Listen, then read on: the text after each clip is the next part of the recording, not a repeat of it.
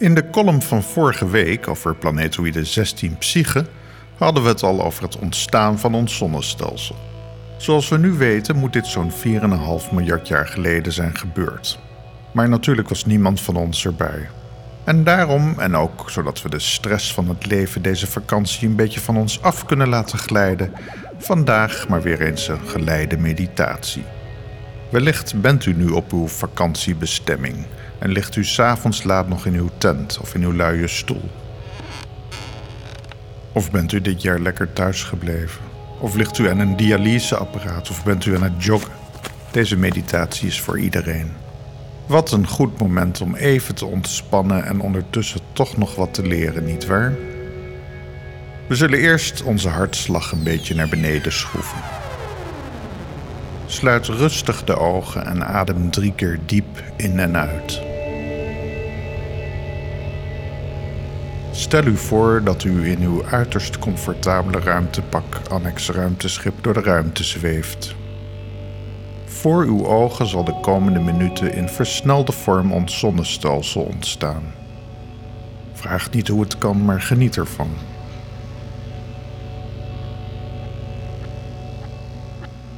U bevindt zich in een van de buitenste spiraalarmen van onze Melkweg en de tijd is 4,5 miljard jaar voor onze jaartelling.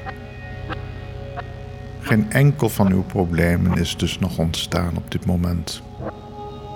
U kijkt eens rustig om u heen.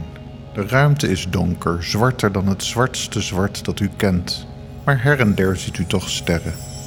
Te veel om te tellen eigenlijk. Ook is de Melkweg goed zichtbaar als band van licht. Zo mooi zag u de sterrenhemel nog nooit. Het valt u ook op dat geen enkele ster twinkelt. Dat ligt aan het feit dat u zich buiten de dampkring bevindt. Sterker nog, die vertrouwde dampkring bestaat op dit moment nog niet. Althans, niet binnen ons zonnestelsel. Ons zonnestelsel is op dit moment die wolk gas en stof voor u, als u heel goed kijkt, ziet u inderdaad iets van een mist waar sterrenlicht op reflecteert. Als u rustig uw hoofd draait en de andere kant op kijkt, ontbreekt deze mist volledig.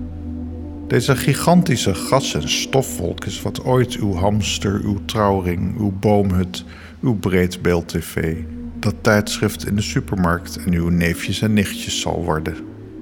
Protoplanetair materiaal. Zelfs de zon, onze eigen ster, bestaat op dit moment nog niet. U kunt het niet horen of zien, maar ver, ver weg is een ster ontploft. De schokgolf in de ruimtetijd die deze ontploffing teweegbracht, duwt nu tegen de gas- en stofwolk voor u, waardoor deze zachtjes begint rond te draaien.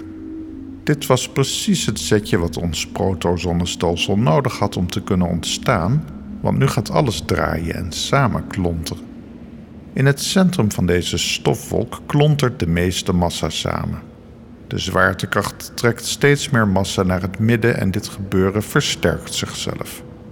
Het midden van de stofwolk begint nu langzaam te gloeien.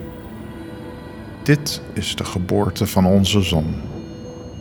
Waterstofatomen worden op elkaar gedrukt en vormen helium, en dat is de motor van onze zon. Bij de fusie van waterstof naar helium komt energie vrij in de vorm van zonlicht, zichtbaar licht, infrarode straling en ultraviolette straling. Uw ruimtepak beschermt u op dit moment tegen de kwalijke gevolgen van ultraviolette straling. U ziet hoe de zon begint te gloeien. 99,86% van alle massa van de gas- en stofwolk is terechtgekomen in die zon. De rest van de massa, dus nog geen 1%, draait nu als een schijf om de zon. Het ronddraaien waar alles mee begon heeft de massa namelijk afgeplat. U ziet hoe deze schijf van materie niet stabiel is. Hier en daar klonteren stukken samen. Maar deze klonten van grote massa remmen ook weer wat af, trekken naar elkaar toe al gauw is het een komen en gaan van blokken massa die soms zelfs tegen elkaar rammen. Het doet u een beetje denken aan hoe mensen in 2021 met elkaar omgaan, maar u lacht het weg. Uiteindelijk overwint de liefde toch, denkt u. Ook in het zonnestelsel dat nu geboren wordt, keert langzaam de rust terug. In de buitenste regionen van de eerdere stofwolk zijn grote gasplaneten ontstaan. U herkent Jupiter en die bal daar, is dat Saturnus? Maar dan nog zonder ring zeker. Dichter bij de zon zijn terrestriale objecten ontstaan. Dit zijn kleinere klonten van massa die de intense hitte van de zon konden weerstaan. Mercurius, Venus, de aarde en Mars. Zo dicht bij de zon hadden gasplaneten geen schijn van kans. Er vliegen ook nog steeds onduidelijke samenklonteringen van massa door het prille zonnestelsel. Soms raken deze de net geboren planeten. Een enorme inslag op het derde planeetje na de zon hakt onze toekomstige woonplaats in tweeën. En dat is maar goed ook, want zonder maan was er helemaal geen menselijk leven op aarde mogelijk geweest. Tussen de vierde rotsplaneet Mars en de eerste gasplaneet Jupiter wil het maar niet lukken. De zwaartekracht van Jupiter verscheurt alle pogingen hier een grotere planeet te laten ontstaan. Rotsblokken blijven tegen elkaar knallen tot we hier uiteindelijk alleen maar een band van rots en gruis zien, de planetoïde gordel. Her en der vliegen ook lichtere objecten rond. Sommige van deze objecten vinden permanente residentie in een baan rond de nieuwe planeten en worden zo manen. Maar dichter bij u, en dus ver weg van de zon, zijn banden van kleinere objecten ontstaan. Zo is er nu de Kuipergordel net buiten de baan van de laatste planeet Neptunus. Objecten van ijs en gruis zwiepen hier in eindeloos geduldige banen rond de zon. En nog verder van de zon vinden we de Oortwolk.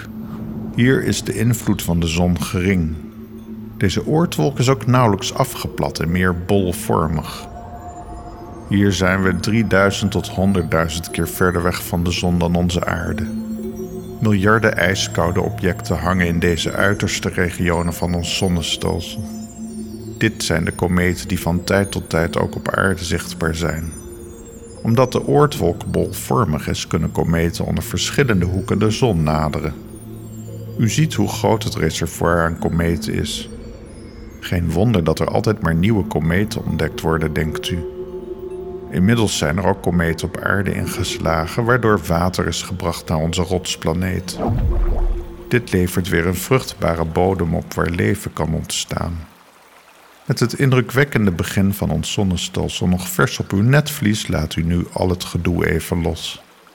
Net zoals ons zonnestelsel uit touw getrekt tussen verschillende partijen is gestabiliseerd tot wat het nu is, zullen ook wij aardbewoners uiteindelijk weer in een equilibrium terechtkomen. Voor nu doet het er even niet meer toe. U kunt rustig een tukje gaan doen. Tot volgende keer.